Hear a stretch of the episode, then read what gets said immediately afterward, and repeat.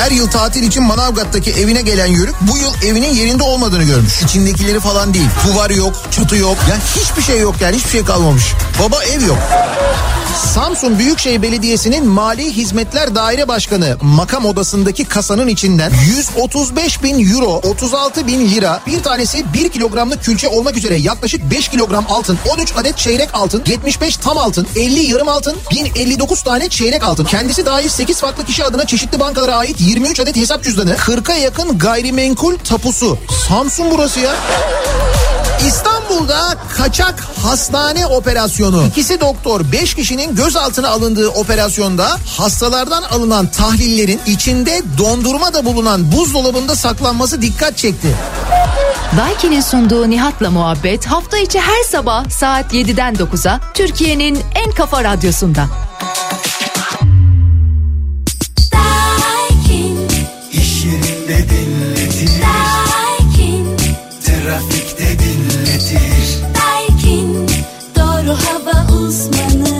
Daiki'nin sunduğu Nihat'la muhabbet başlıyor.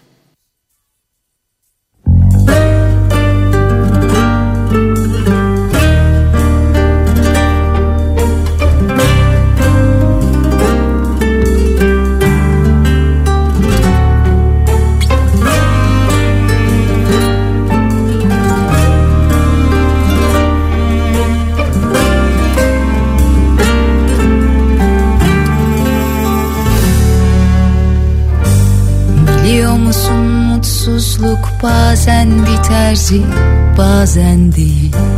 Dokunuyorsun dokunma bu yangın benim. Senin değil Gerçek misin?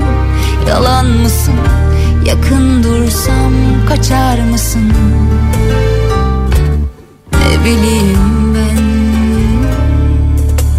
Belki sözünde durmayan kendi içinde kaybolan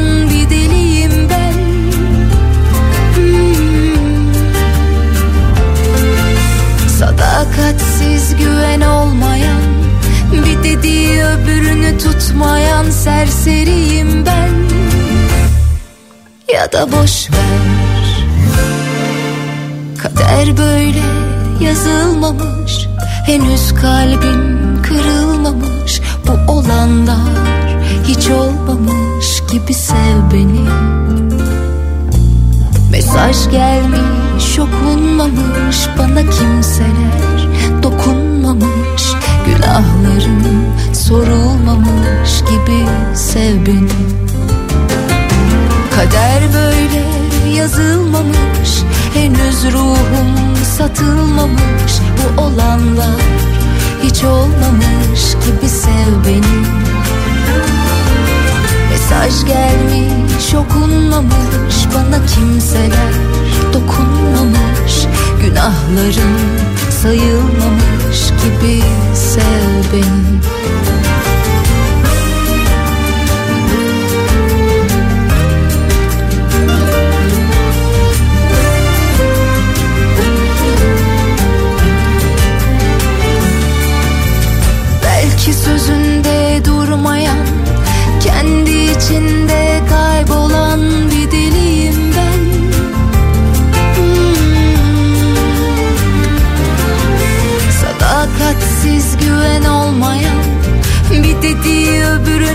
tutmayan serseriyim ben. Ya da boş ver. Kader böyle yazılmamış. Henüz kalbim kırılmamış. Bu olanlar hiç olmamış gibi sev beni.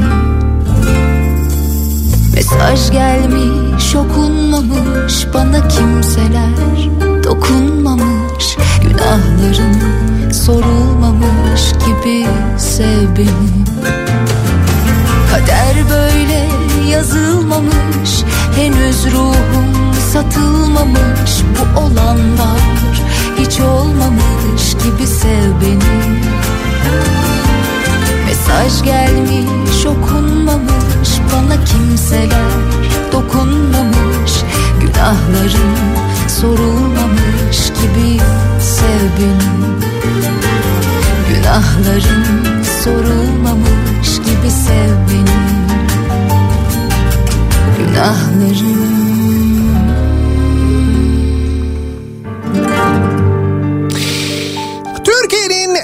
Kafa Radyosu'ndan, Kafa Radyo'dan hepinize günaydın. Yeni günün sabahı ve yeni haftanın başındayız. Pazartesi gününün sabahı, tarih 19 Nisan. Bulutlarla kaplı bir gökyüzü, zaman zaman yağmurlu, hatta sadece yağmurlu değil, çamurlu aynı zamanda bir sabah. Evet sadece yağmur değil yağmurla birlikte toz taşınımı yüzünden çamur yağıyor memleketin birçok yerine.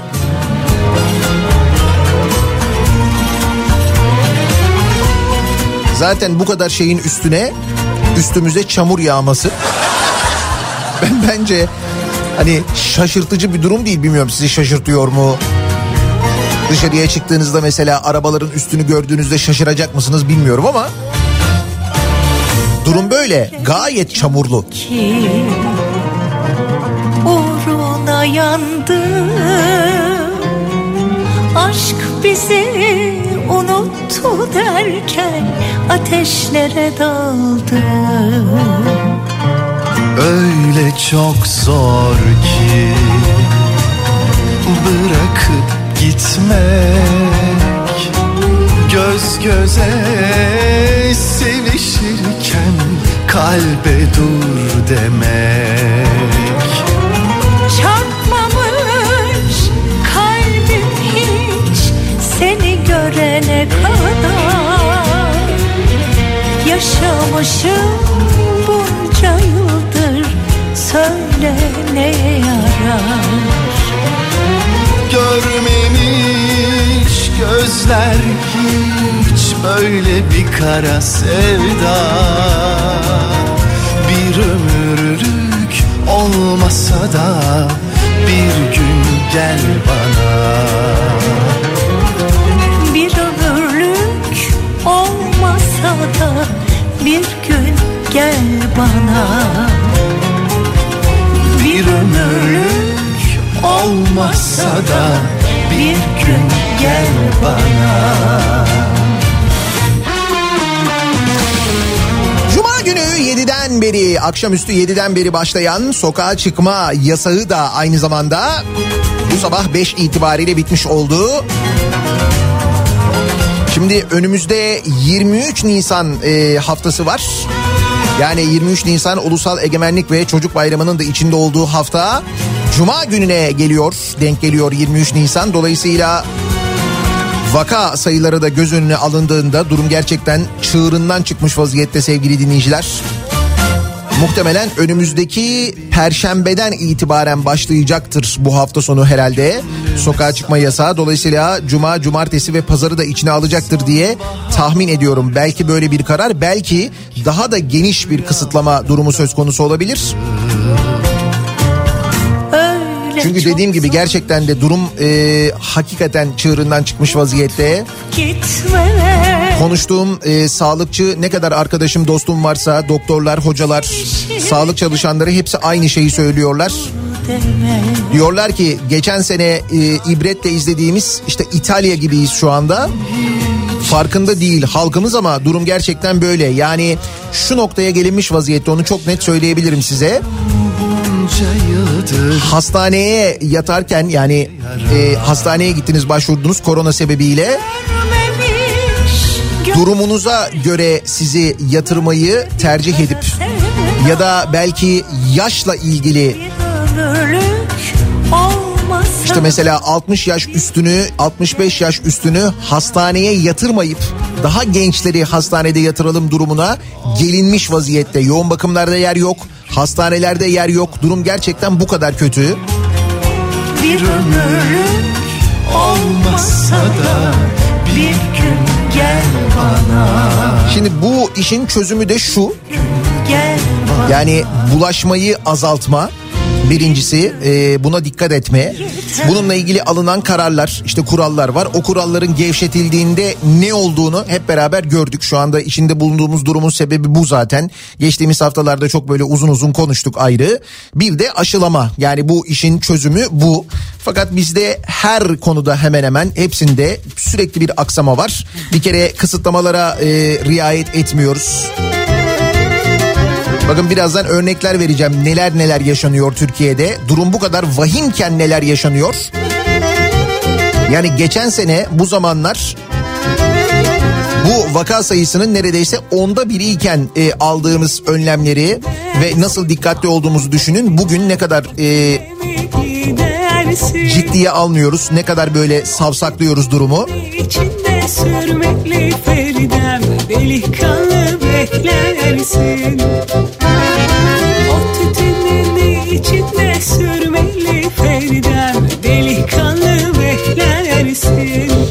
Misal Kastamonu'nun Cide ilçesinde tamir için bir eve gelen su tesisatçısı köyde ikamet eden 27 kişiye koronavirüs bulaştırmış. Köy karantinaya alınmış.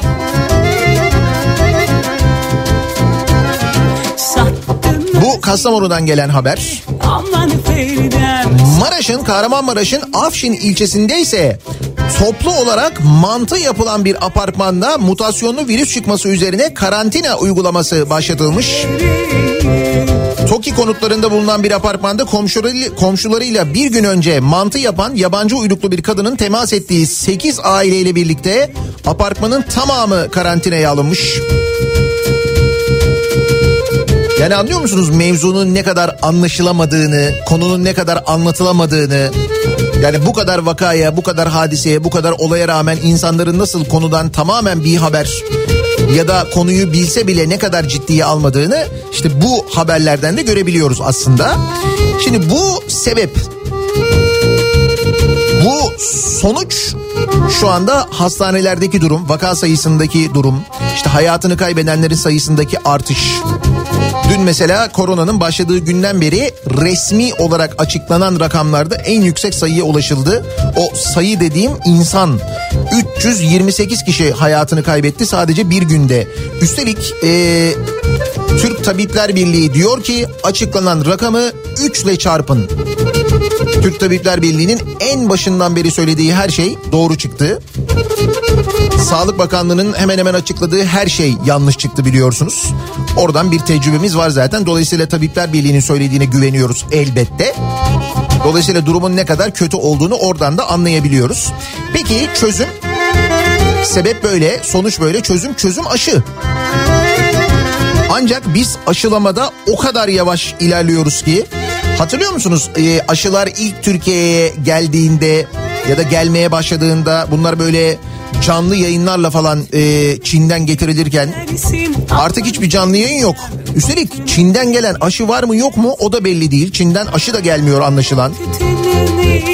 Halbuki 60 milyon geliyordu, 70 milyon geliyordu, 100 milyon opsiyon vardı, 120 milyon opsiyon vardı değil mi? Böyle rakamlar açıklanıyordu. Sonuç? Hatta ne deniyordu? Türkiye sağlık sisteminin yaygınlığı sayesinde günde 1,5 milyon, 2 milyon aşı yapabilir deniyordu. Biz onun hesabını yapıyorduk. Diyorduk ki işte 2 milyon kişi günde yani günde mesela 1 milyon kişi aşılansa işte 60 milyon kişinin e, aşılanması 60 gün sürer. 2 ayda bu iş çözülür falan diye düşünüyorduk. O kadar saftık yani. Kabul ediyorum. Gerçekten bir saflık vardı evet.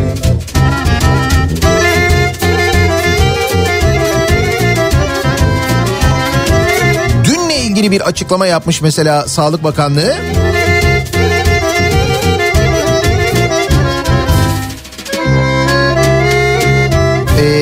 Türkiye'de dün yapılan e, aşı sayısı, aşılama sayısı ya o kadar az ki 1800 aşı mı yapılmış, 1900 kişiye mi aşı yapılmış o kadar böyle bir az aşılama durumu var. Dün için söylüyorum bunu. Üstelik eğer aşı randevusu alırsanız, aşılama yaptırmak istiyorsanız çok uzun sürede sağlık e, fazla kaçırdım galiba. Sağlık çalışanları da bunu yapıyorlar tabii işte seni düşündüğüm her an yan... Hastaneler, aile sağlığı merkezleri de hizmet veriyorlar ama ona rağmen çok az bir aşı var. Ee, İstanbul'da yalnızlığım seni bir daha buralarda çok düşük bir aşı durumu var. Şimdi diyor ki e, halka açık yerler mesela aşılama bu gidişle ancak bir yılda biter diyor.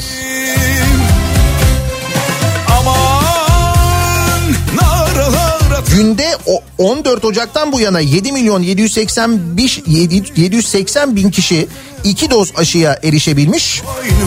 Günde ortalama 200 bin doz aşı uygulanabiliyor. Biz diyorduk ya böyle 1,5 milyon aşı yaparız 2 milyon aşı yaparız diye. Uzmanlara göre bu hızla gidilirse nüfusun tamamının aşılanması bir yılda tamamlanabiliyor. Günahını boynuma seni koy. Veriler şeffaf şekilde paylaşılmadığı için aşı ile ilgili güvensizlik yaşandığını söylüyor Türk Tabipler Birliği.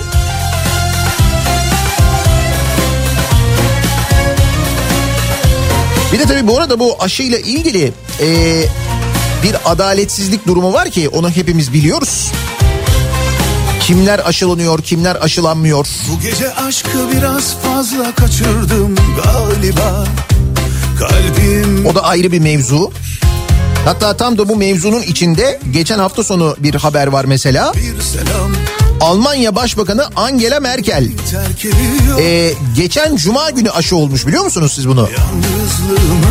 Evet Almanya'nın başbakanı Angela Merkel bu aşılardan e, mesela işte ilklerden bir tanesini geliştiren ülkenin aynı zamanda başbakanı. İlk defa bu kadar sevdim. BioNTech aşısını kastediyorum. O ülkenin başbakanı Almanya şansölyesi Angela Merkel cuma günü aşı olmuş. Neden? Çünkü cuma günü sırası gelmiş onun. Boynuma, Ve AstraZeneca aşısı yaptırmış bu arada. BioNTech de yaptırmamış. Çünkü 60 yaş üstüne e, AstraZeneca aşısı yapılıyormuş. AstraZeneca aşısının işte pıhtılaşmaya neden olduğu ile ilgili bir takım iddialar. Hatta bazı ülkelerin bu nedenle aşılamayı durdurma durumu var ya. Bunun 60 yaş altında riskli olduğu, 60 yaş üstünde böyle bir risk olmadığı tespiti yapılmış. Bu nedenle e, AstraZeneca aşısı yaptırmış. Aşı yaptırdığım için mutluyum. Aşılar salgının üstesinden gelmenin anahtarıdır demiş. Sırasını beklemiş. Tuhaf yani. Aman naralar atıp atıp aman adını göğsüme yazıp günahını boynuma seni koynuma alıp bu gece İstanbul'u aşka boğasın var. Aman naralar atıp atıp aman. Şimdi hemen programın başında bu bilgileri verdim. Çünkü Biliyorum evet insanın canı sıkılıyor biliyorum evet ya haftanın başında daha dur falan diyorsunuz ama haftanın başında sabahtan erkenden uyarıyorum ki durumun ne kadar vahim olduğunu anlayın ona göre önlem alın diye gerçekten çember çok ama çok daralmış vaziyette. Bu gece bütün İstanbul'u öpesim var. Nasıl bir sabah trafiğiyle haftaya başlıyoruz? Pazartesi günü sabahı çünkü pazartesi sabahları e, genelde böyle kısıtlamanın sonrasında bir yoğunluk yaşanıyordu. Ramazan'ın bunda bir etkisi oldu mu? Yoğunluk var mı? Hemen dönelim trafiğin durumuna bir bakalım.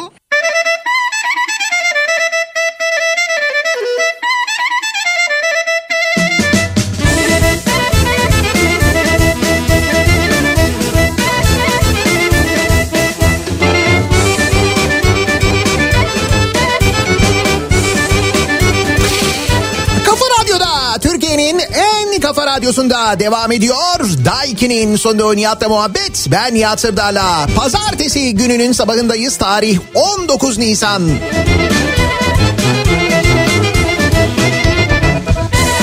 Yağmurlu, çamurlu bir haftaya başlıyor. Bu kadar olan bitenden sonra üzerimize çamur yağmasına artık şaşırmıyoruz zaten. Hatta şükrediyoruz bile diyebiliriz. Başka şeyler de yağabilirdi. Yani Mart karı, Nisan karı, Nisan çamuru falan derken gidişat gidişat pek iyi değil yani.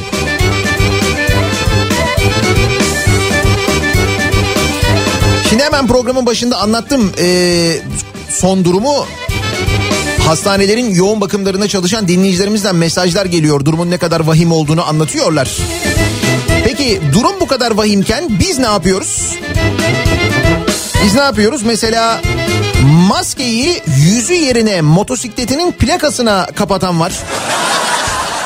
Evet maskeyi motosikletin plakasına takmış mesela. Sonuç 7465 lira ceza. Bursa'nın İnegöl ilçesinde polisin dur ihtarına uymayıp kovalamacada yakalanan motosikletin sürücüsüne 7465 lira ceza işlem uygulandı. Yakalanan motosiklet sürücüsünün yüzündeki maskeyi motosikletinin plakasını gizlemek için kullanması dikkat çekti. Buyurun. Maskenin yeni bir e, kullanım alanı. Ya da mesela e, neresiydi burası? İnegöl'dü değil mi motosiklet? Bak yine Bursa'dan bir haber var. Maske, mesafe, hijyen peki buna ne diyeceksin diye yazmışlar haberin başlığını bir de. Günlük vaka sayısının 2 ayda 12 kat arttığı Bursa'da Büyükşehir Belediyesi vatandaşların katılımıyla park açılışı yapmış. Nasıl organizasyon tam zamanında yani böyle Üstelik açılış öncesi katılım için vatandaşa SMS atılmış. Açılışta pandemi kuralları ihlal edilmiş, herkes yan yana durup poz vermiş. En ortalarında da belediye başkanı duruyor. Baya böyle mesafe falan filan hak getire yani. İşte böyle mücadele ediyoruz. Şimdi tabii park açılışı nedir ki canım o kongreler yapıldıktan sonra diyeceksiniz ki haklısınız bence. Bir araya gelen kalabalıklar oluşturan insanlar bunu söyledikleri zaman ne diyebilirsiniz? Canım siz o toplantıları yaptınız o kadar kalabalık bir araya geldiniz bir şey olmuyor biz böyle yapınca mı olacak falan derlerse ne yanıt vereceksiniz? Hoş Bursa Belediye Başkanı böyle demez diye tahmin ediyorum ama. O zaman da o toplantılara bir şey demiş olursun çünkü bak şimdi. iki ucu virüsü denek yani ne yapsan olmuyor.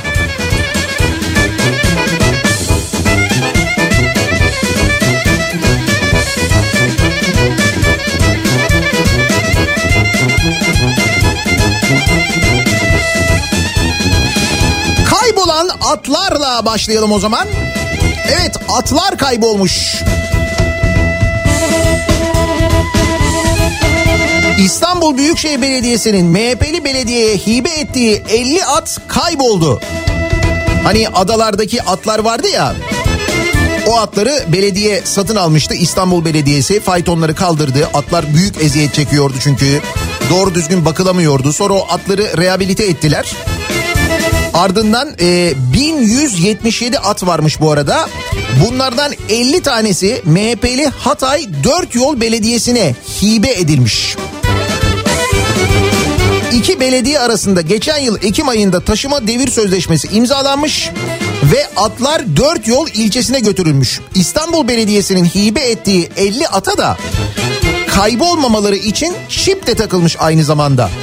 Kaldı ki zaten atlarda artık o uygulanıyor. Yani atın orijininin falan e, aynı zamanda belli olması işte bulunduğu zaman kimin sahibinin olduğunu falan anlaşılması için böyle bir çip uygulaması çok uzun zamandan beri var zaten. Fakat sonra atların kaybolduğu ortaya çıkmış. İstanbul Belediyesi sormuş demiş ki atlar ne durumda? Demiş ki öteki belediye atlar derken Dört yol belediyesine teslim edilen ama üzerlerindeki çiplere rağmen kaybolan 50 atın akıbeti savcılık soruşturma sonucunda ortaya çıkaracak çıkacakmış.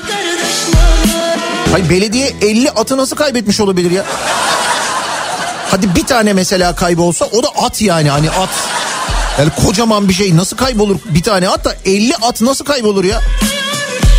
Ve belediyenin atları bunlar yani. Hakikaten ne olmuş olabilir?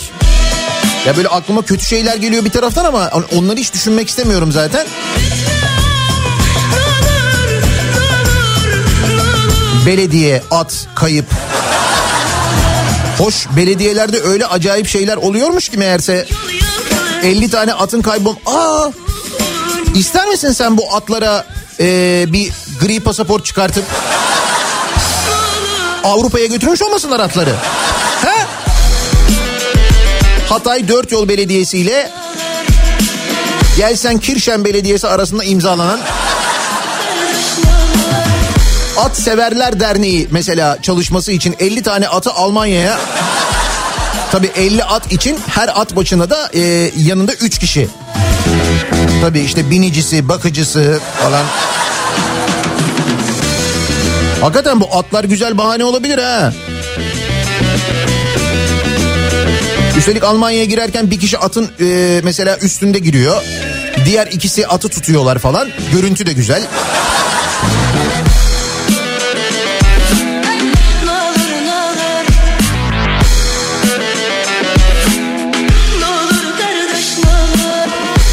Geçen hafta bir haber vardı. Maskelerle ilgili hani e, maske üreticileri ihracat için maske üretirken bunun bir bölümünü e, devlete vermek durumunda e, devlet malzeme ofisine vermek durumunda devlet malzeme ofisi de bunları alıyor işte sağlık e, tesislerine dağıtıyor de, devlet dairelerine dağıtıyor falan. Ve bu e, devletin aldığı maskelerin yani devlete ayrılan maskelerin dandik maskeler olduğu iddiası vardı. Bu hibe edilen maskelerin evet. Bu iddia doğru mudur değil midir diye bir taraftan araştırılırken Meclis Kit Komisyonu'nda ortaya çıkan e, habere bakın siz.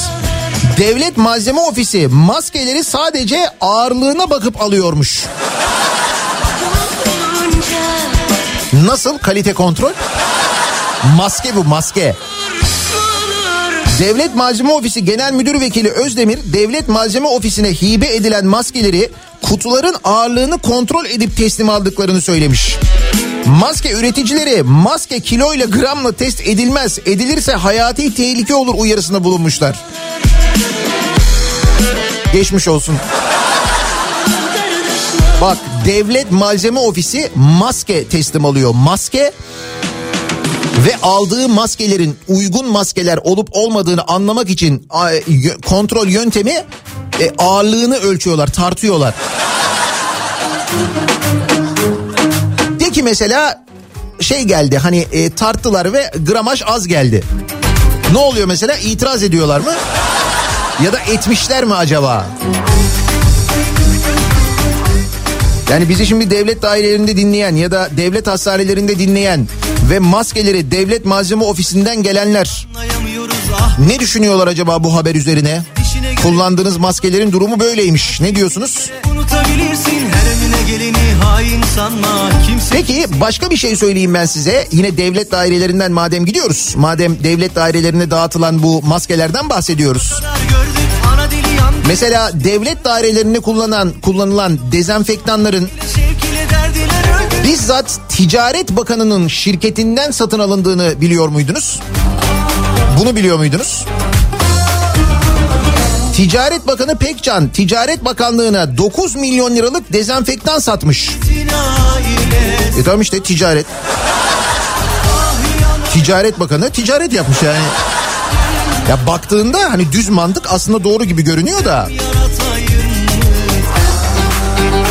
CHP Genel Başkan Yardımcısı Ali Öztunç, Ticaret Bakanı Ruhsar Pekcan'ın kendi şirketinden kendi bakanlığına 9 milyon liralık dezenfektan sattığı ortaya çıktı derken Pekcan'a istifa çağrısında bulunmuş. Gözüm iki gözüm diye diye arkadan ise kaka götürülebilir mi ha? Kurulu düzeni kuru gülleri bırakıp vazgeçebilmesi kolay mı ha? Ama gördüğün netice bunda... Oda TV'den Can Özçelik'in haberinde Ruslar ve Hasan Pekcan'ın ortak olduğu Nanoxia Biyoteknoloji ve Karon Mühendislik firmalarının bakanlık bünyesindeki kurumlara toplam 9 milyon liralık dezenfektan sattığının belgeleri yayınlanmıştı. Bakan konuyla ilgili bir açıklama hala yapmadı. Üstünden 3 gün geçti bu arada. Nasıl iyi değil mi?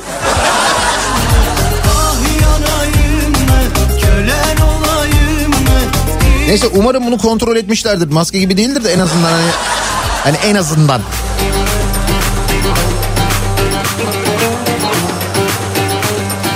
Ticaret Bakanlığı'nda durum bu sevgili dinleyiciler. Devlet Malzeme Ofisi'nde de durum o. Bunlar hep böyle salgınla ilgili haberler. O sırada belediyelerde ne oluyor acaba? Şimdi biz e, Hatay Dört Yol Belediyesi'nin kaybettiği 50 atı da Almanya'ya gönderip göndermediğini tartışırken yani ben iyi ihtimal bunu düşünüyorum. Belki diyorum atlar hani bu şekilde kurtulmuşlardır. Yoksa 50 tane kayıp at ne oldu acaba? Umarım ölmemişlerdir diye düşünüyorum bir taraftan.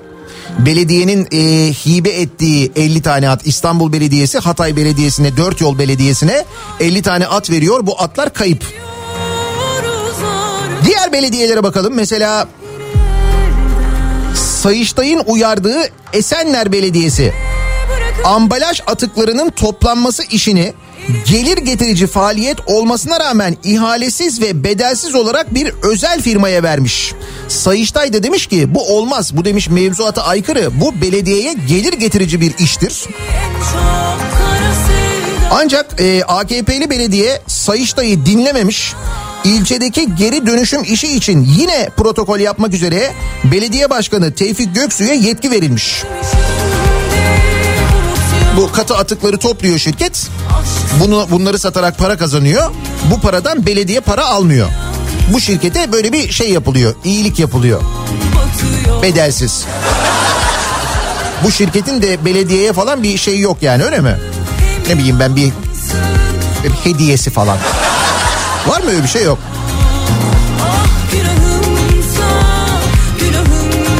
Samsun Büyükşehir Belediyesi'ne gidelim. Hayırdır ne oldu yeni kasa mı almışlar? Samsun Belediyesi deyince bir hepimize bir heyecan basıyor da o yüzden söylüyorum. Bir kasadan neler çıkmıştı düşün yani başka neler olmuştur diye düşünüyorduk. Yani bu kadar zengin bir belediye olduğunu bilmiyorduk. Tahmin ediyorum Samsunlular da bilmiyorlardı herhalde. Samsun Büyükşehir Belediye Meclisi Denetleme Komisyonu raporunda belediyenin 2020 yılında 16 milyon 940 bin lira araç kiralama bedeli ödediği saptanmış. Bu arada belediyenin toplam borcu 2020 yılında 2 milyar 66 milyon liraymış. Bizim kasadakiler bunun ne kadarını kapatabilir? Şimdi onu düşünüyorum da. Yok büyük bir bölümünü kapatmaz. Evet çok şey vardı kasada ama bu kadar değil yani. Bu arada mesela 2020 yılında yani pandemi döneminde 17 milyon lira araç kiralama bedeli öderken Samsun Belediyesi. O sırada mesela Samsun'da kaç tane esnaf batmış, kaç dükkan kapanmış? Bu kaç dükkana Samsun Belediyesi'nden bir destek gitmemiş acaba? Bunları bilmiyoruz değil mi? Çünkü belediyeler e, o sırada başka şeylerle meşguller. Böyle esnaf zor durumdaymış. İşte 50 yıllık 60 yıllık dükkanlar 80 yıllık 90 yıllık dükkanlar kapanıyormuş.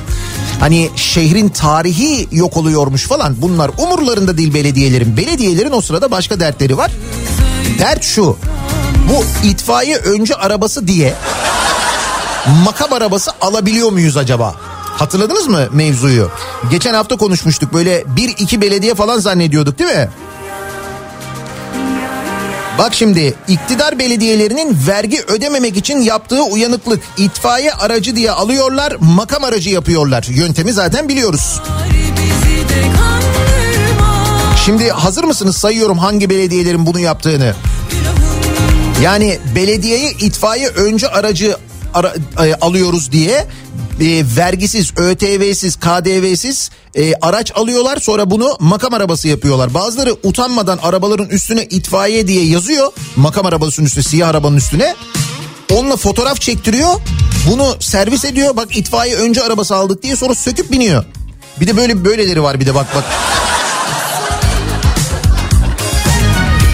Sayıyorum Rize Çayeli, Giresun Bulancak ve Keşap, Zonguldak Çay Değirmeni, Ordu Mesudiye, Korgan ve Karadüs, Gümüşhane Şiran ve Öbektaş, Afyon Karahisar'ın Dinar, Bolvadin, Sultandağ ve Şuhut, Kastamonu, Bozkurt, Tokat Baş Çiftlik Belediyeleri bu yolla makam aracı almışlar. İtfaiye aracı alıyoruz diye makam aracı alıyorlar kendilerine.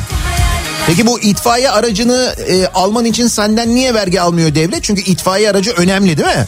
Allah korusun bir yangın çıkarsa falan. Ama şimdi yangına müdahale mi önemli? Önce aracı deyip sen ona hani şey e, işe yaramıyor muamelesi yapamazsın. Önce aracı elbette işe yarıyor. Yarıyor ki öyle bir araç kullanılıyor itfaiyede. Yani bir yangının e, söndürülmesi, söndürülmesinde işe yarayacak bir araç değil, senin makam aracın önemli öyle mi? Ya bir kere bu var en başta zaten yani. İşte bu belediyelerde böyleymiş. Dün çok seviyordun mesela. Bak şimdi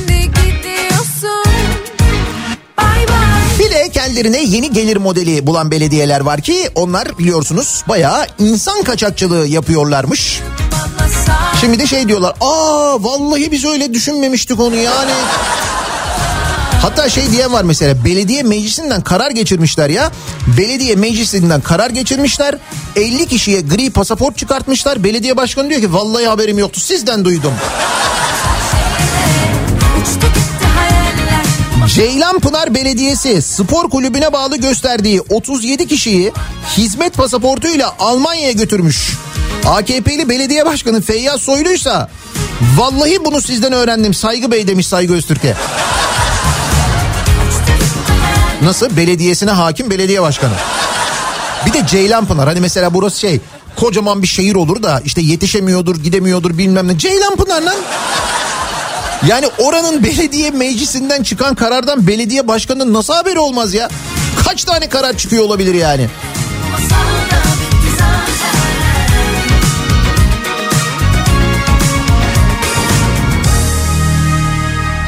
Ağrı'nın Doğu Beyazıt ilçesinde ise ilçede engellilerle ilgili bir dernek üzerinden 55 kişi Almanya'ya götürülmek istenmiş. Derneğin niyeti son anda fark edilmiş, işlemler durdurulmuş. Mesela orada son anda fark edilmiş. 5 engelli götürülecekmiş Almanya'ya. Onlara refakat edecek 50 kişi ama. Ben demin ne dedim sana? 50 tane at kayboldu dedim. At başına 3 dedim ya.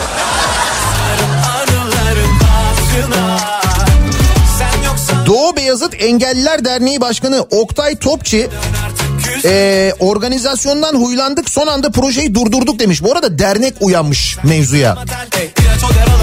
Derneği de kullanıyorlarmış. Dernek uyanınca mevzu iptal olmuş. Maksa inadına pat pat sallar kalçap Bir de peşimde gezen alçaklar var Delireceğim sensiz Ya Allah'tan gazeteciler var biliyor musunuz? Gazeteciler var da bunları öğreniyoruz. Şimdi mesela İsmail Saymaz yazıyor günlerdir bunu. Saygı Öztürk yazıyor günlerdir bunu.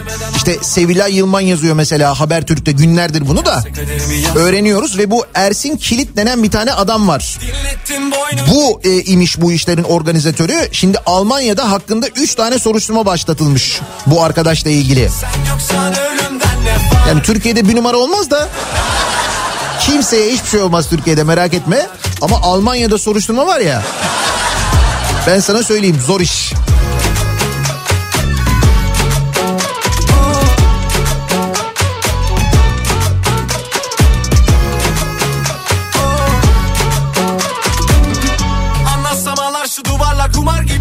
Şansım yok Ne zaman uyansam konuşsam düşünsem yine sen o o o Anlatsam ağlar şu duvarlar kumar gibi Ve bütün bunlar olurken belediyeler bu organizasyonları yaparken Ticaret Bakanı kendi bakanlığına dezenfektan satarken devlet malzeme ofisi aldığı maskeleri tartarak alırken kalite kontrolü olarak o sırada e, 128 e, olayı yaşanıyor bir de Türkiye'de değil mi? Bak 128 güncesi hazırlanmış. E, son 3 günde 4 günde 128 milyarla ilgili neler oldu soruluyor ya bu 128 milyar nerede diye. Mesela Kastamonu'da 128 milyar dolar nerede diye mani okuyan Ramazan davulcusunu güvenlik güçleri arıyorlarmış. Hatta davulcunun eşkaline benzetilen bir gence idari işlem başlatılmış. Çocuk demiş ki ben davulcu değilim. Yok demişler biz yine de sen benziyorsun demişler. Ee, Edirne Valiliği koronavirüsle mücadele kapsamında pankart asma yasağı getirmiş. Koronavirüsle mücadele? Bu yani 128 milyar dolar nerede diye bir pankart astığın zaman koronavirüsün yayılmasına mı sebebiyet veriyormuşuz? Edirne Valiliği yasak getirmiş ya. Sosyal medyada ilginç hesaplar yapılıyormuş. Mesela İstanbul'un fethinden yani 1453'ten bugüne kadar her saat başı bir köşeye 25 bin dolar biriktirilse bile 128 milyar dolar yapmıyormuş. Güzel hesapmış. Ama buna hemen itiraz ederler. Lan bırak Bizanslılar dolar kullanmıyordu oğlum.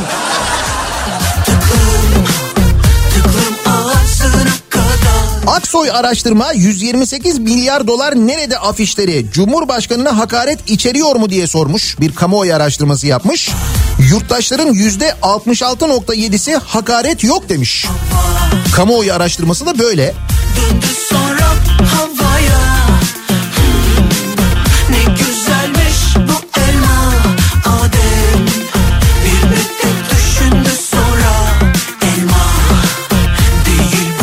Mesela bu 128 milyar dolarla ilgili böyle bir acayip bir şey var. Bir reaksiyon var onu anladık. Onun da neden olduğunu aşağı yukarı biliyoruz.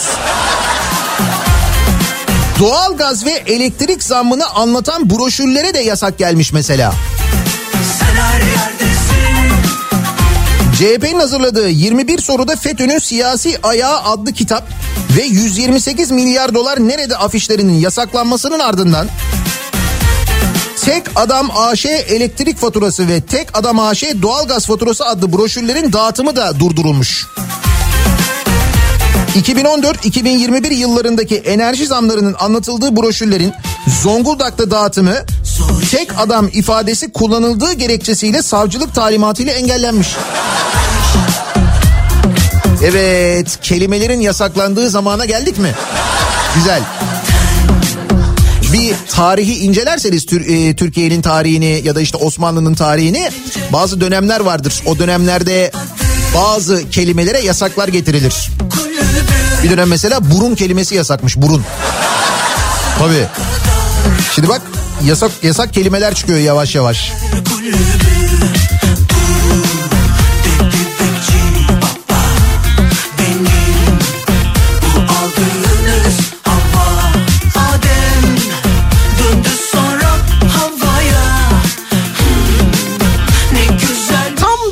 Konuşurken tam da e, işte ihtiyacı olanlara dağıtılacak denilen patates, soğan izdiham eşliğinde dağıtılırken o görüntüleri bilmiyorum izlediniz mi gördünüz mü izdihamı ne oldu evlerine götürülecekti insanların falan birbirlerini eziyorlar insanlar bir çuval soğan bir çuval patates alabilmek için öyle görüntüler var. O sırada rekorlar kırıyoruz açıklaması geldi bir taraftan da. Türkiye rekorlar e, kırıyormuş. Dünya bizi gıptayla izliyormuş. Öyleymiş gülme ne gülüyorsun? Şimdi tabii rekor meselesi gündeme gelince haliyle biz de e, hangi konularda rekor kırıyoruz acaba diye dinleyicilerimizle konuşalım istiyoruz. Bak mesela Diyanet İşleri Başkanı demiş ki e, cömert olun çağrısı yapmış. Cömert olun demiş bize diyor. Türkiye'nin yıllık 55 milyar dolar zekat potansiyeli var demiş. Ya. Ne haber? Rekor. Yani zekat potansiyeli rekoru da aynı zamanda mesela bizde. Hangi konularda rekor kırıyoruz peki sizce?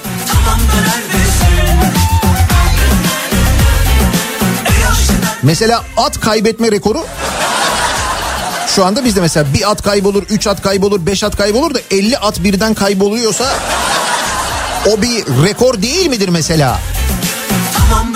Rekor kırıyoruz. Bu sabahın konusunun başlığı olsun. Hangi konularda rekor kırıyor olabiliriz acaba diye dinleyicilerimize soruyoruz. Sosyal medya üzerinden yazıp gönderebilirsiniz mesajlarınızı. Twitter'da böyle bir konu başlığımız, bir tabelamız, bir hashtagimiz an itibariyle mevcut. WhatsApp hattımız 0532 172 52 32 0532 172 kafa. Buradan da yazabilirsiniz. Rekor kırıyoruz bu sabah konumuzun başlığı bu. Reklamlardan sonra yeniden buradayız. Kafa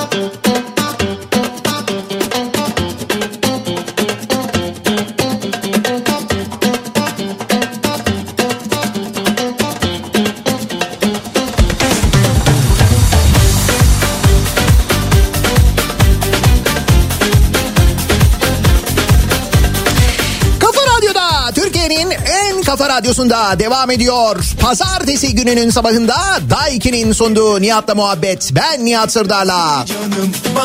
Rekor kırıyoruz bu sabah hep birlikte. Rekor kırıyormuşuz Türkiye olarak. Hangi konularda rekor kırıyoruz acaba diye biz de dinleyicilerimize soruyoruz. Aslında ben bugün Fonda Ufuk Yıldırım'ın rekor şarkısıyla konsepte konuya en uygun şarkı olarak düşündüğüm. Gerçi bir şarkı daha var o da aklıma geldi. İkisi arasında gittim geldim sonra dedim ki niye ikisini de çalmıyorum. Birazdan da onu çalacağım.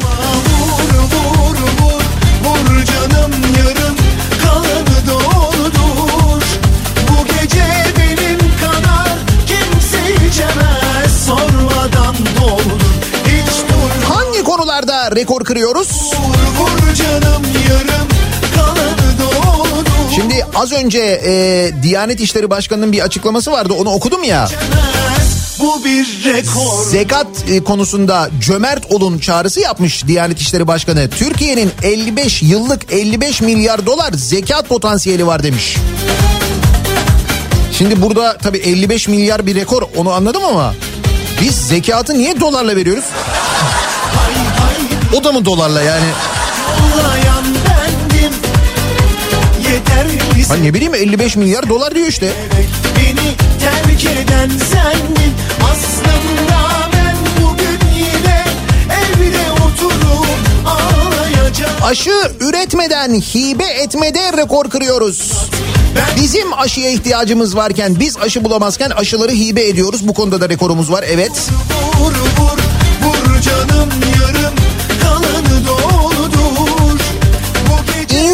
kaçakçılığı konusunda rekor kırıyoruz doğru. Bak bu konuda mesela belediyeler de faaliyet içindeymiş ben onu bilmiyordum. Hani yasa dışı faaliyetler var onu biliyoruz. İnsan kaçakçıları var bu insan kaçakçıları işte böyle tekneyle yatla efendime söyleyeyim işte bu Meriç Nehri üzerinden falan her gün okuyoruz ya haberlerini onu zaten biliyorduk. Meğer bir de belediye organizasyonları varmış ya. Şimdi en son emin değiliz ama Hatay'ın Dört Yol Belediyesi İstanbul Belediyesi'nin hibe ettiği e, 50 tane atın nerede olduğunu söyleyemiyormuş. Şimdi tabii merak ediyoruz. Acaba diyoruz o güzel insanlar o güzel atlara binip Almanya'ya gitmiş olabilirler mi? Ne bileyim Almanya'da mesela bir Yaşar Kemal Sevenler Derneği vardır. O der o dernekte bir işbirliği yapılmıştır falan. Hani dernekten hareketle seyahatin atla yapılmasının daha doğru olacağı düşünülmüştür. Yaratıcılıkta sınır yok ne olacak?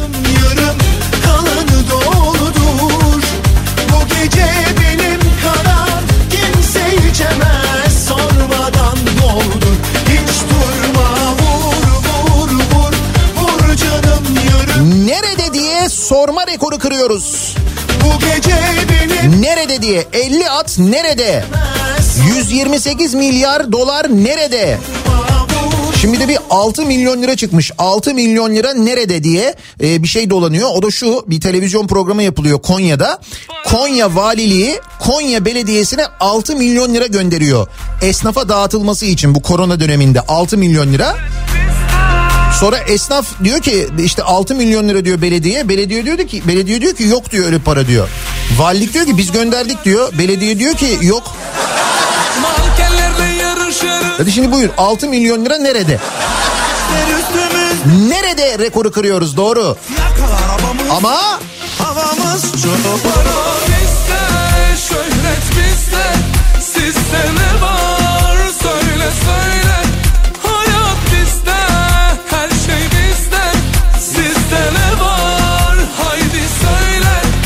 tamam nerede olduğunu bilmiyor olabiliriz fakat para bizde. Onu biliyoruz en azından.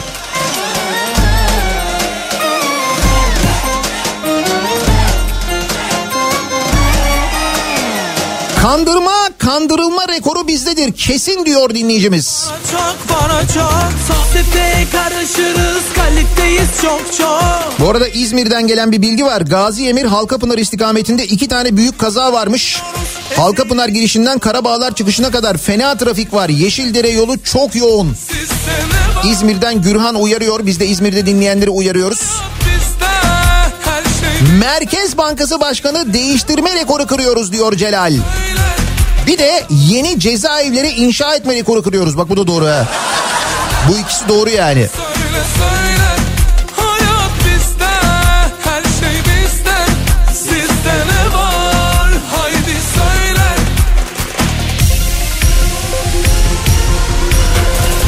Pandemi sebebiyle ölümde maalesef rekor kırıyoruz. Ee, bir kez daha hatırlatayım. Türk Tabipler Birliği Sağlık Bakanlığı'nın açıkladığı ölüm rakamlarının 3 ile çarpılması gerektiğini söylemiş. Açıklanan rakamların doğru olmadığını zaten biliyoruz ama 3 ile çarpmak gerekiyor diyor. Türk Tabipler Birliği ki Türk Tabipler Birliği'nin salgının en başından itibaren söylediği her şey doğru çıktı. Hatırlayınız. Şimdi diyor ki dinleyicimiz pandemi sebebiyle ölümde maalesef rekor kırıyoruz. Sonra bunun sorumlularını tespit edip 84 milyonu suçluyoruz. Üstelik bunu gözümüzün içine bakarak söylüyorlar. Artık boğazımıza yumru oldu olanlar. Yeter sözünde rekor kırıyoruz diyor Kadir. Yutkunamama rekoru kırıyoruz.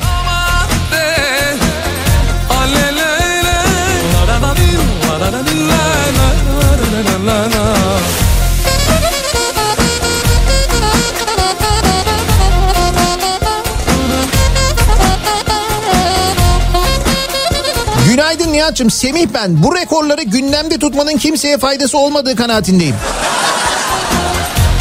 Zira bu rekorların sorumlusu 84 milyon vatandaşımızdır. Evet. Sizin yüzünüzden. Bizim yüzümüzden yani. Ee, bakalım toplu taşıt yolcu taşımada rekor kesin bizimdir. Pandemiye rağmen sırt sırta gidiyoruz. Otobüs ya da metro fark etmiyor. Şimdi mesela İstanbul'da vaka sayılarında rekor 100 kişide bir kişi İstanbul'daki her 100 kişiden bir kişi de Sağlık Bakanlığı'nın rakamlarına göre bu arada rakam daha yüksek aslında. Her 100 kişiden bir kişi de e, görülüyor şu anda hastalık. Durum bu noktaya gelmiş vaziyette. Mesela İstanbul'da da toplu taşıma araçlarının örneğin belediye otobüslerinin yüzde 50 kapasiteyle çalışması gerekiyor. E, İl Hıfzı Sağ Kurulu'nun aldığı karar bu. Ama belediye otobüsü şoförleri otobüsün yarısı doldu diye yolcu almadığı zaman ne oluyor? Belediye otobüsünün önü kesiliyor. Belediye otobüsü şoförü tehdit ediliyor. Camı kırılıyor. Sen kimsin kim?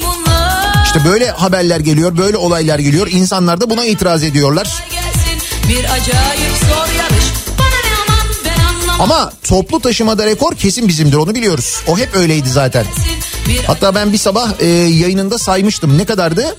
E, demiştim ki körüklü otobüsün içinde olanlar bir saysınlar bakalım kaç kişi sayabilecekler diye. çeneni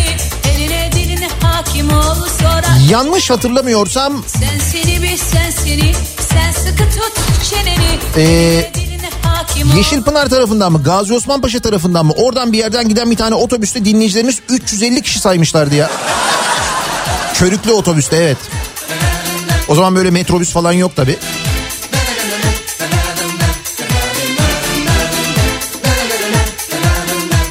Market alışverişlerinde rekor kırıyoruz. Aylık yaptığım alışverişler hemen hemen aynı ama rakam hep farklı ve hep daha yüksek oluyor. Ben senede bir defa zam alıyorum. Yani market rafındaki herhangi bir ürünün benden daha fazla zam alması beni üzüyor diyor. E, çubuk kraker kadar olamayınca insan üzülüyor haklısınız.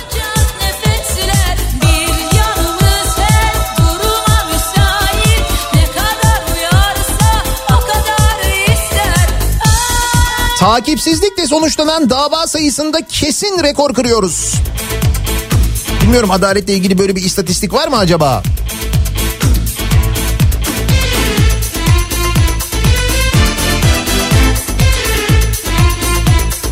Liyakatsiz devlet yönetiminde rekor kırıyoruz.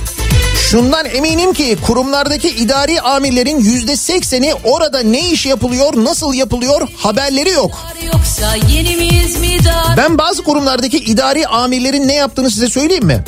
Bakın mesela herkes o da kim oluyor? Hemen söyleyeyim. Kimsin kim mesela Sakarya ilinin e, eğitim ve spor müdürü mesela mesela müftüsü mesela rektörü ne yapmışlar bunlar biliyor musunuz?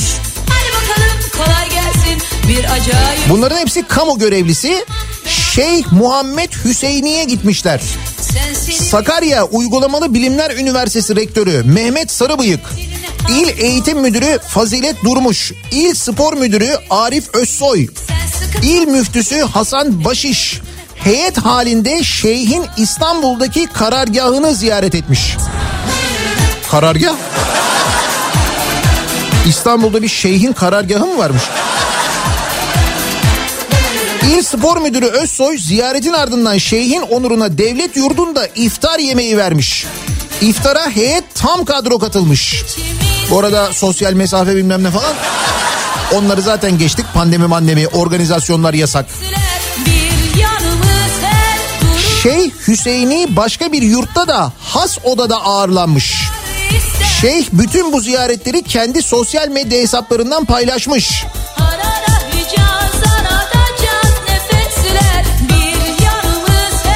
Sakarya'nın devlet protokolü Irak asıllı Şeyh Muhammed Hüseyini'nin İstanbul Sultanbeyli'deki karargahına gidip hediyeler vermiş iftara davet etmiş.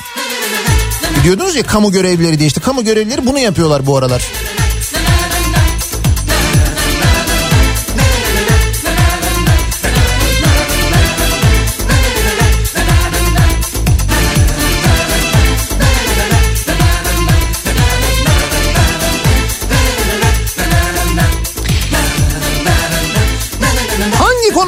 Rekor kırıyoruz acaba diye konuşuyoruz bu sabah dinleyicilerimize soruyoruz.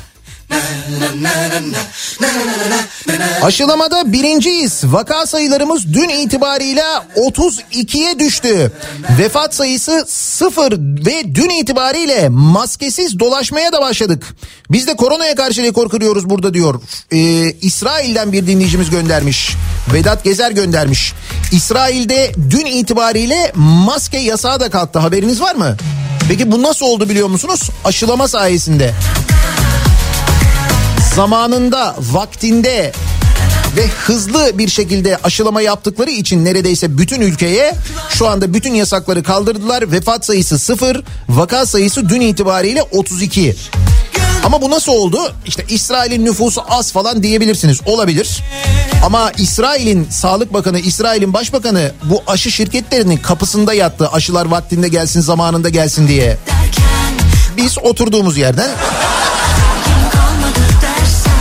50 milyon sipariş verdik, 80 milyon sipariş verdik, 120 de opsiyonumuz var falan. Sonuç? Sonuç nerede işte? Aşı yok.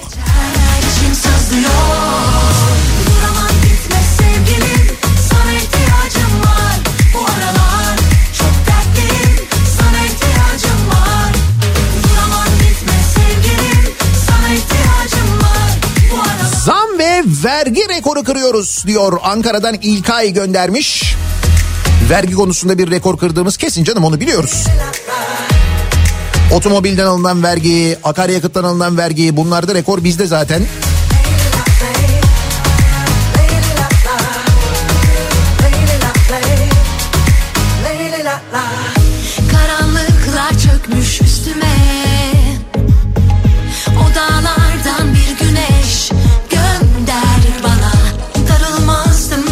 Terörist ilan etme konusunda rekor kırıyoruz. Değil mi? Türk Tabipler Birliği terörist, 104 amiral terörist, hükümet aleyhine haber yapan gazeteciler, muhalefet partisi milletvekilleri, öğrenciler, İzmirliler.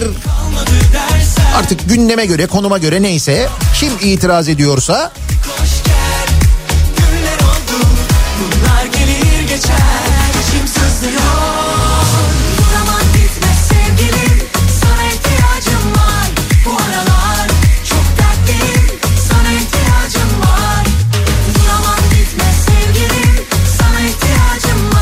Son yıllarda iyi tarikat yaptı. Rekor üzerine rekor kırıyoruz. Artık ithal tarikatlar da ülkemizde fink atıyorlar diyor Seyfi. Doğru. İşte bak az önce örneğini verdim sana.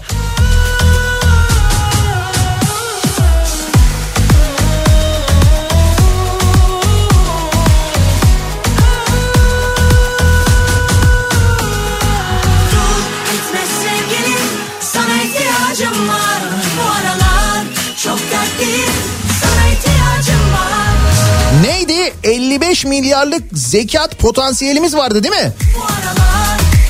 Evet Diyanet İşleri Başkanı öyle demiş. Türkiye demiş cömert olmalı demiş insanlar. 55 milyar dolarlık demiş. Dolar bu arada.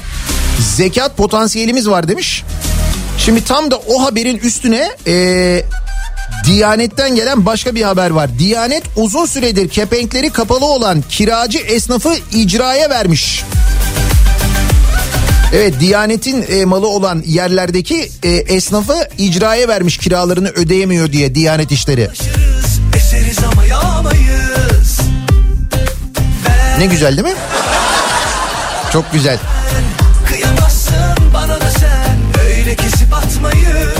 Ayçiçek yağı fiyatında rekor kırıyoruz diyor Oğuz. Evet. Lüks makam araçları alımında rekor kırıyoruz diyor Fahrettin. Bu e, Deniz Yavuz Yılmaz e, Zonguldak Milletvekili en son 3 tane S600'ün e, faturasını açıklamıştı değil mi? Peki o arabalardan mesela Türkiye'ye kaç tane gelmiş? Bunlar hep zırhlı geldiğine göre demek ki Toplam kaç tane gelmiş bir de onu araştırabilir mi? Ben sayının çok daha yüksek olduğunu duydum da onun için söylüyorum yani. Bir de yeni es kasa şimdi yani. Es kaza bize gelmezse itibarda bir geriye doğru düşme olur olmaz. Sürüleri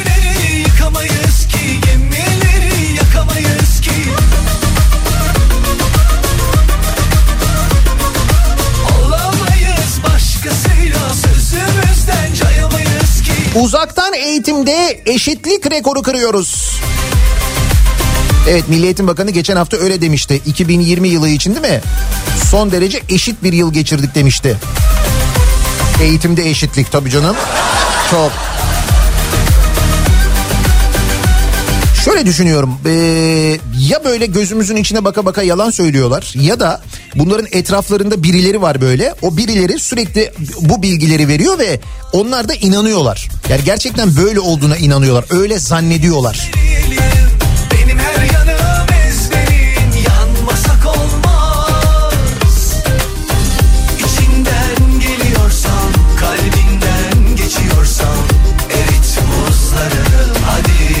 Aralar şoförleri darp etme rekoru kırıyoruz.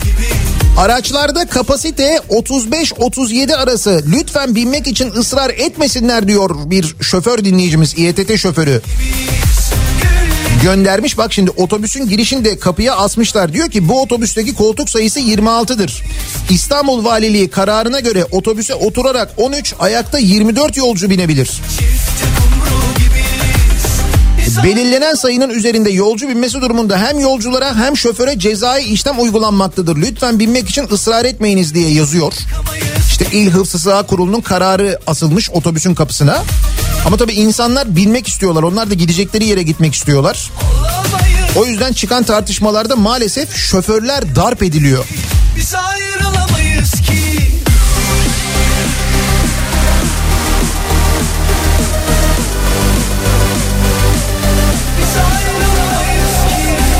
Samsun Belediyesi'ndeki kasanın rekoru kırıldı mı?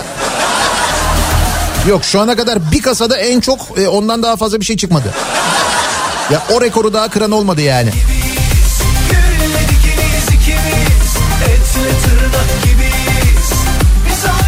İç ticarette rekor kırıyoruz. Evet bunu biliyoruz. E, Ticaret Bakanı Ruslar Pekcan kendi şirketinden bakanlığa 9 milyon liralık dezenfektan satmış. Neticede ticaret mi? Ticaret yani. Ticaret bak aslında Ticaret Bakanı en iyi bildiği işi yapmış. Zaten o yüzden biliyorsunuz kendisi Ticaret Bakanı oldu değil mi? Mesela Turizm Bakanı da öyle. Turizm Bakanı otel sahibi diye Turizm Bakanı yaptılar onu. Ee, ondan sonra o da turizmle ilgili mesela işte kendi e, otelinin olduğu araziyle ilgili sağ olsun falan. Neyse yani hani işi bilen insanların orada olması demek ki gerçekten faydalıymış.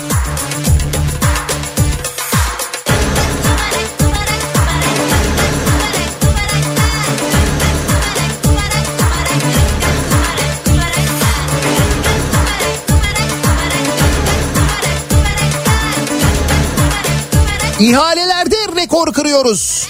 Çok başarılı şirketlerimiz var. Bir elin beş parmağını geçmez ama ihaleleri hep onlar alıyor.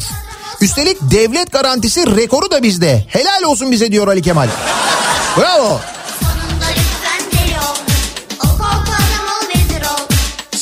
Gerçekten dünyanın en çok devlet ihalesi alan 10 şirketinden 5'inin Türkiye'de olması bir rekor değil midir ya? Bu bizi dünya nazarında itibarlı bir ülke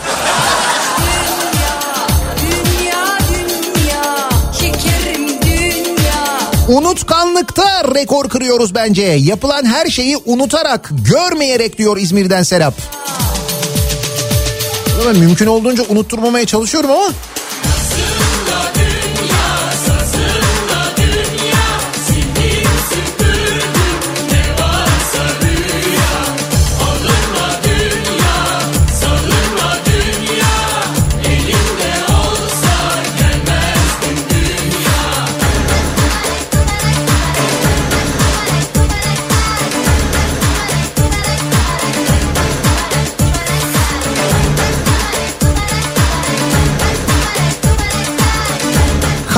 Twitter'la ticaret konusunda rekor kırıyoruz. Ticaret evet doğru. Biz satıyoruz ama sürekli değil mi? Onlar da sürekli alıyorlar yani.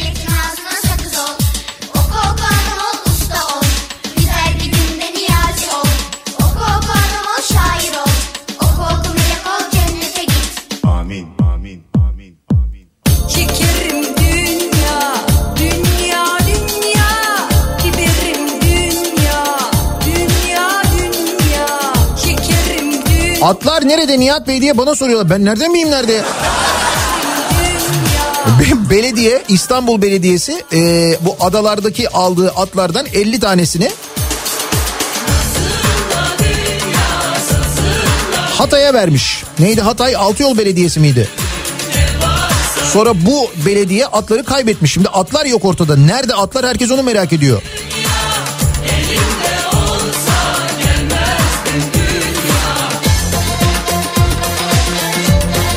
Valla bizde de uzun zamandan beri vaka yok.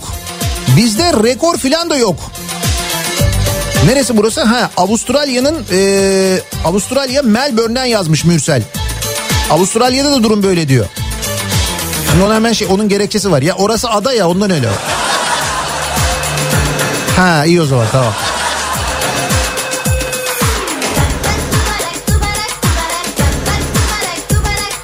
Twitter'da troll rekoru kırıyoruz. Maaşlı troller. Bir merkezden yönetilen troller o kadar belliler ki artık o kadar belliler.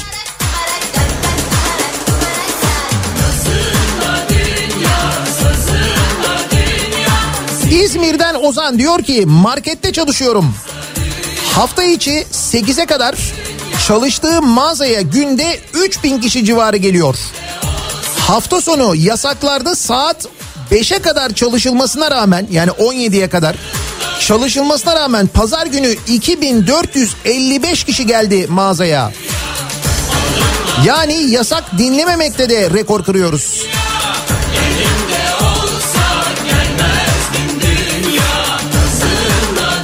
İşte o rekor ondan sonra vaka sayılarına böyle yansıyor. Hangi konularda rekor kırıyoruz acaba diye konuşuyoruz bu sabah dinleyicilerimize soruyoruz. Reklamlardan sonra yeniden buradayız.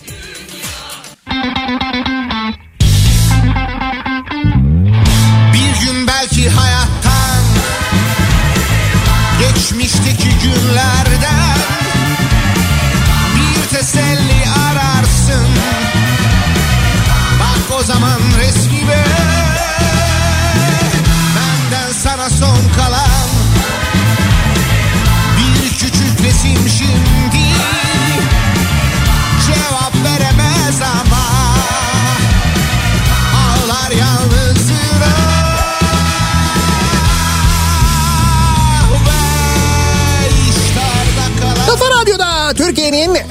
kafa radyosunda devam ediyor. Daha 2'nin sonunda Nihat'la muhabbet. Ben Nihat Sırdar'la rekor kırıyoruz deniliyor. Türkiye birçok alanda rekor kırıyor. Ee, başka ülkeler de dünyada bizi kıskanıyor. Gıptayla bakıyorlar bize deniyor. Biz de hangi konularda rekor kırıyoruz acaba diye konuşuyoruz. Dinleyicilerimize soruyoruz. Bak o zaman resmime Benden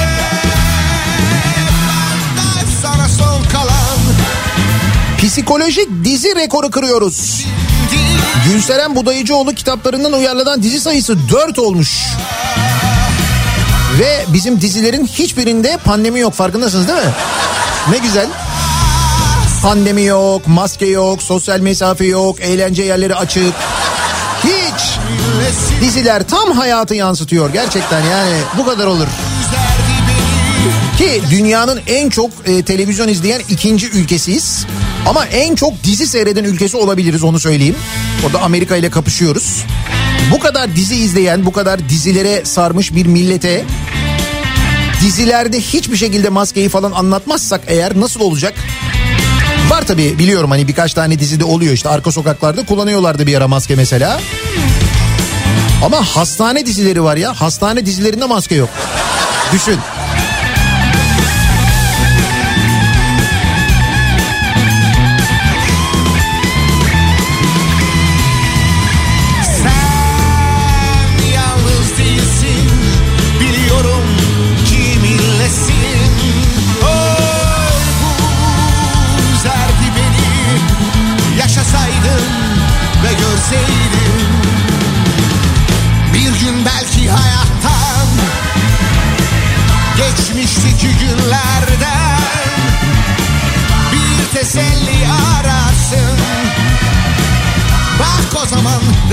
Şimdi bu Hatay'da kaybolan atların akıbetiyle ilgili çok mesaj geliyor da dinleyicilerimizden.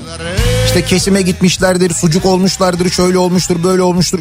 Böyle olmamıştır herhalde değil mi? Yani belediye kendisine hibe edilen e, atları böyle kasaba falan göndermemiştir. Öyle bir şey olmamıştır herhalde. Belediye bu.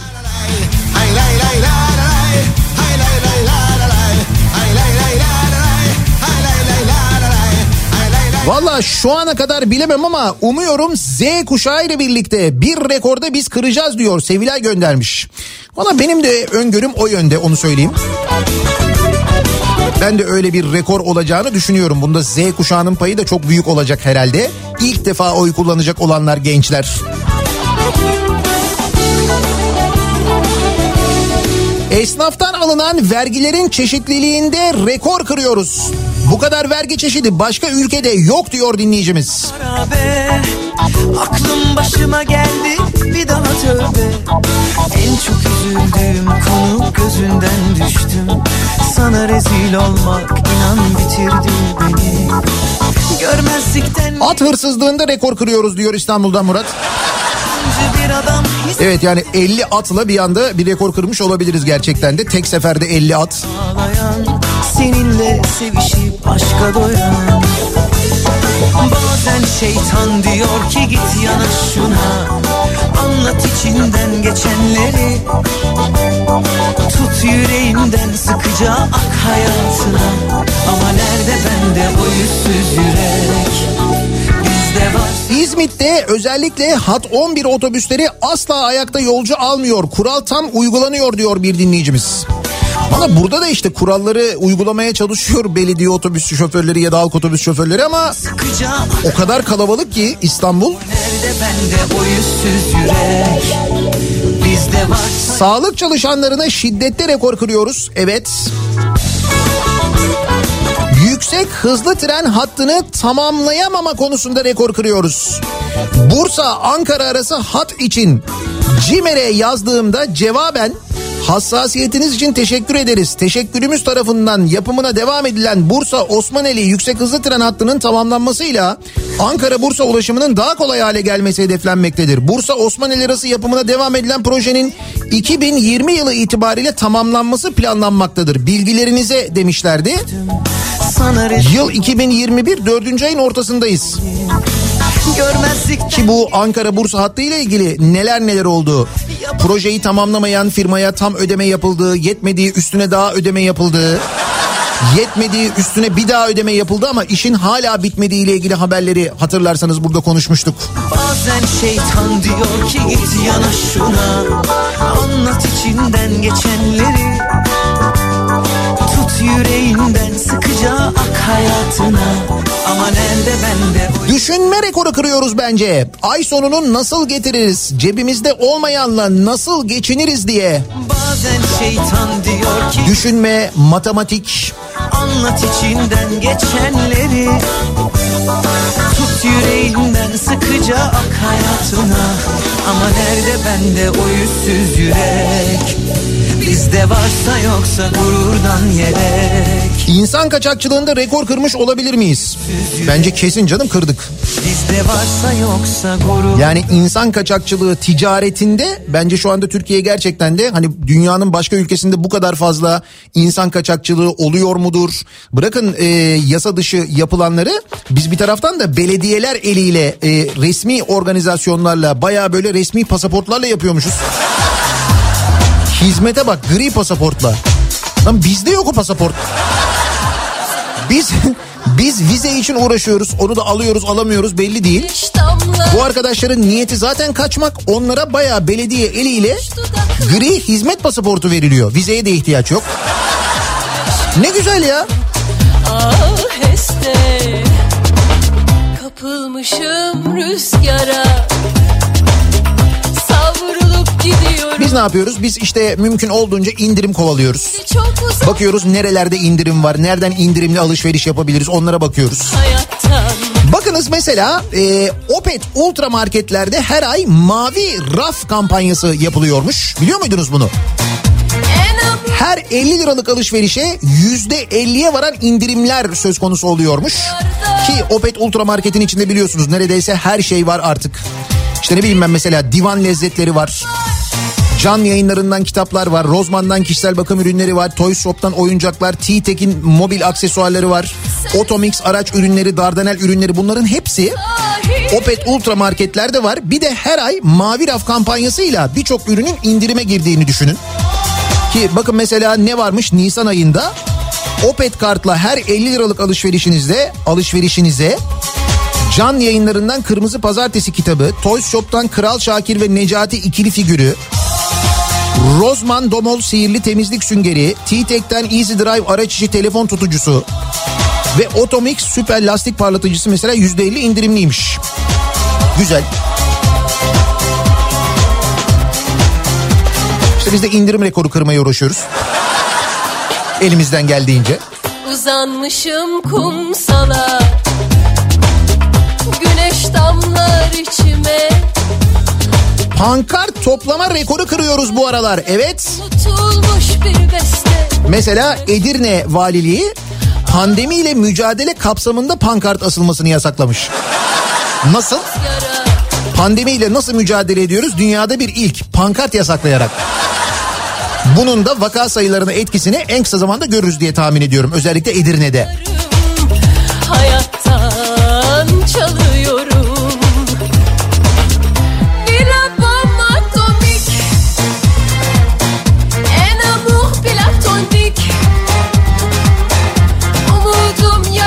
Gerginlikte ve mutsuzlukta rekor kırıyoruz galiba.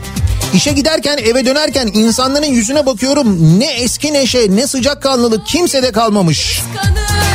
Neden acaba? Bununla ilgili bir e, araştırma var. Türkiye'nin psikolojisiyle ilgili. Yarın sabah biraz daha detaylı onun üzerine konuşuruz.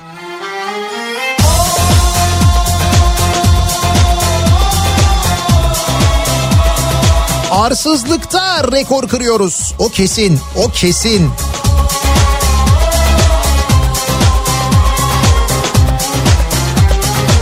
Atları Katarlılar almış olabilir mi diye bir soru geldi. Eğer o atları da Katar'a sattıysak vallahi bravo bize bak o zaman. O zaman belediyeyi takdir ederim ben sana söyleyeyim.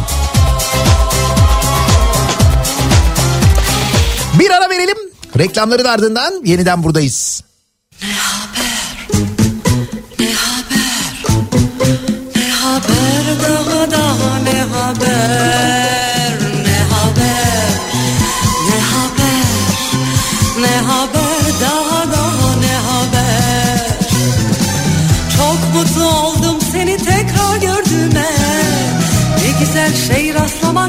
sevdiğine. E anlat bakalım dostum senden ne haber? Eski dostlar hiçbir zaman düşman olmaz. Geçmiş zaman olur ki hiç unutulmaz. Geçse de aradan upuzun seneler.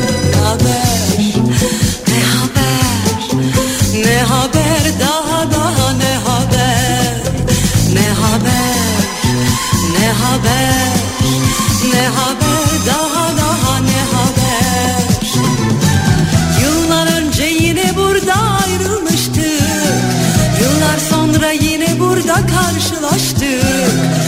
Dünya küçük diye boşa dememişler. Demek ki evlendin iki çocuğun var. Oturup geçmişe yanmak neye yarar.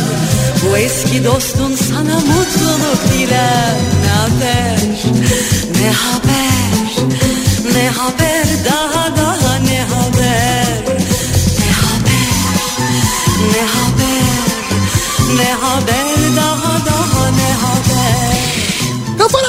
Türkiye'nin en kafa radyosunda devam ediyor. Daha 2'nin sunduğu Nihat'la muhabbet. Ben Nihat Sırdar'la. Pazartesi gününün sabahındayız. Yeni haftaya birlikte başladık.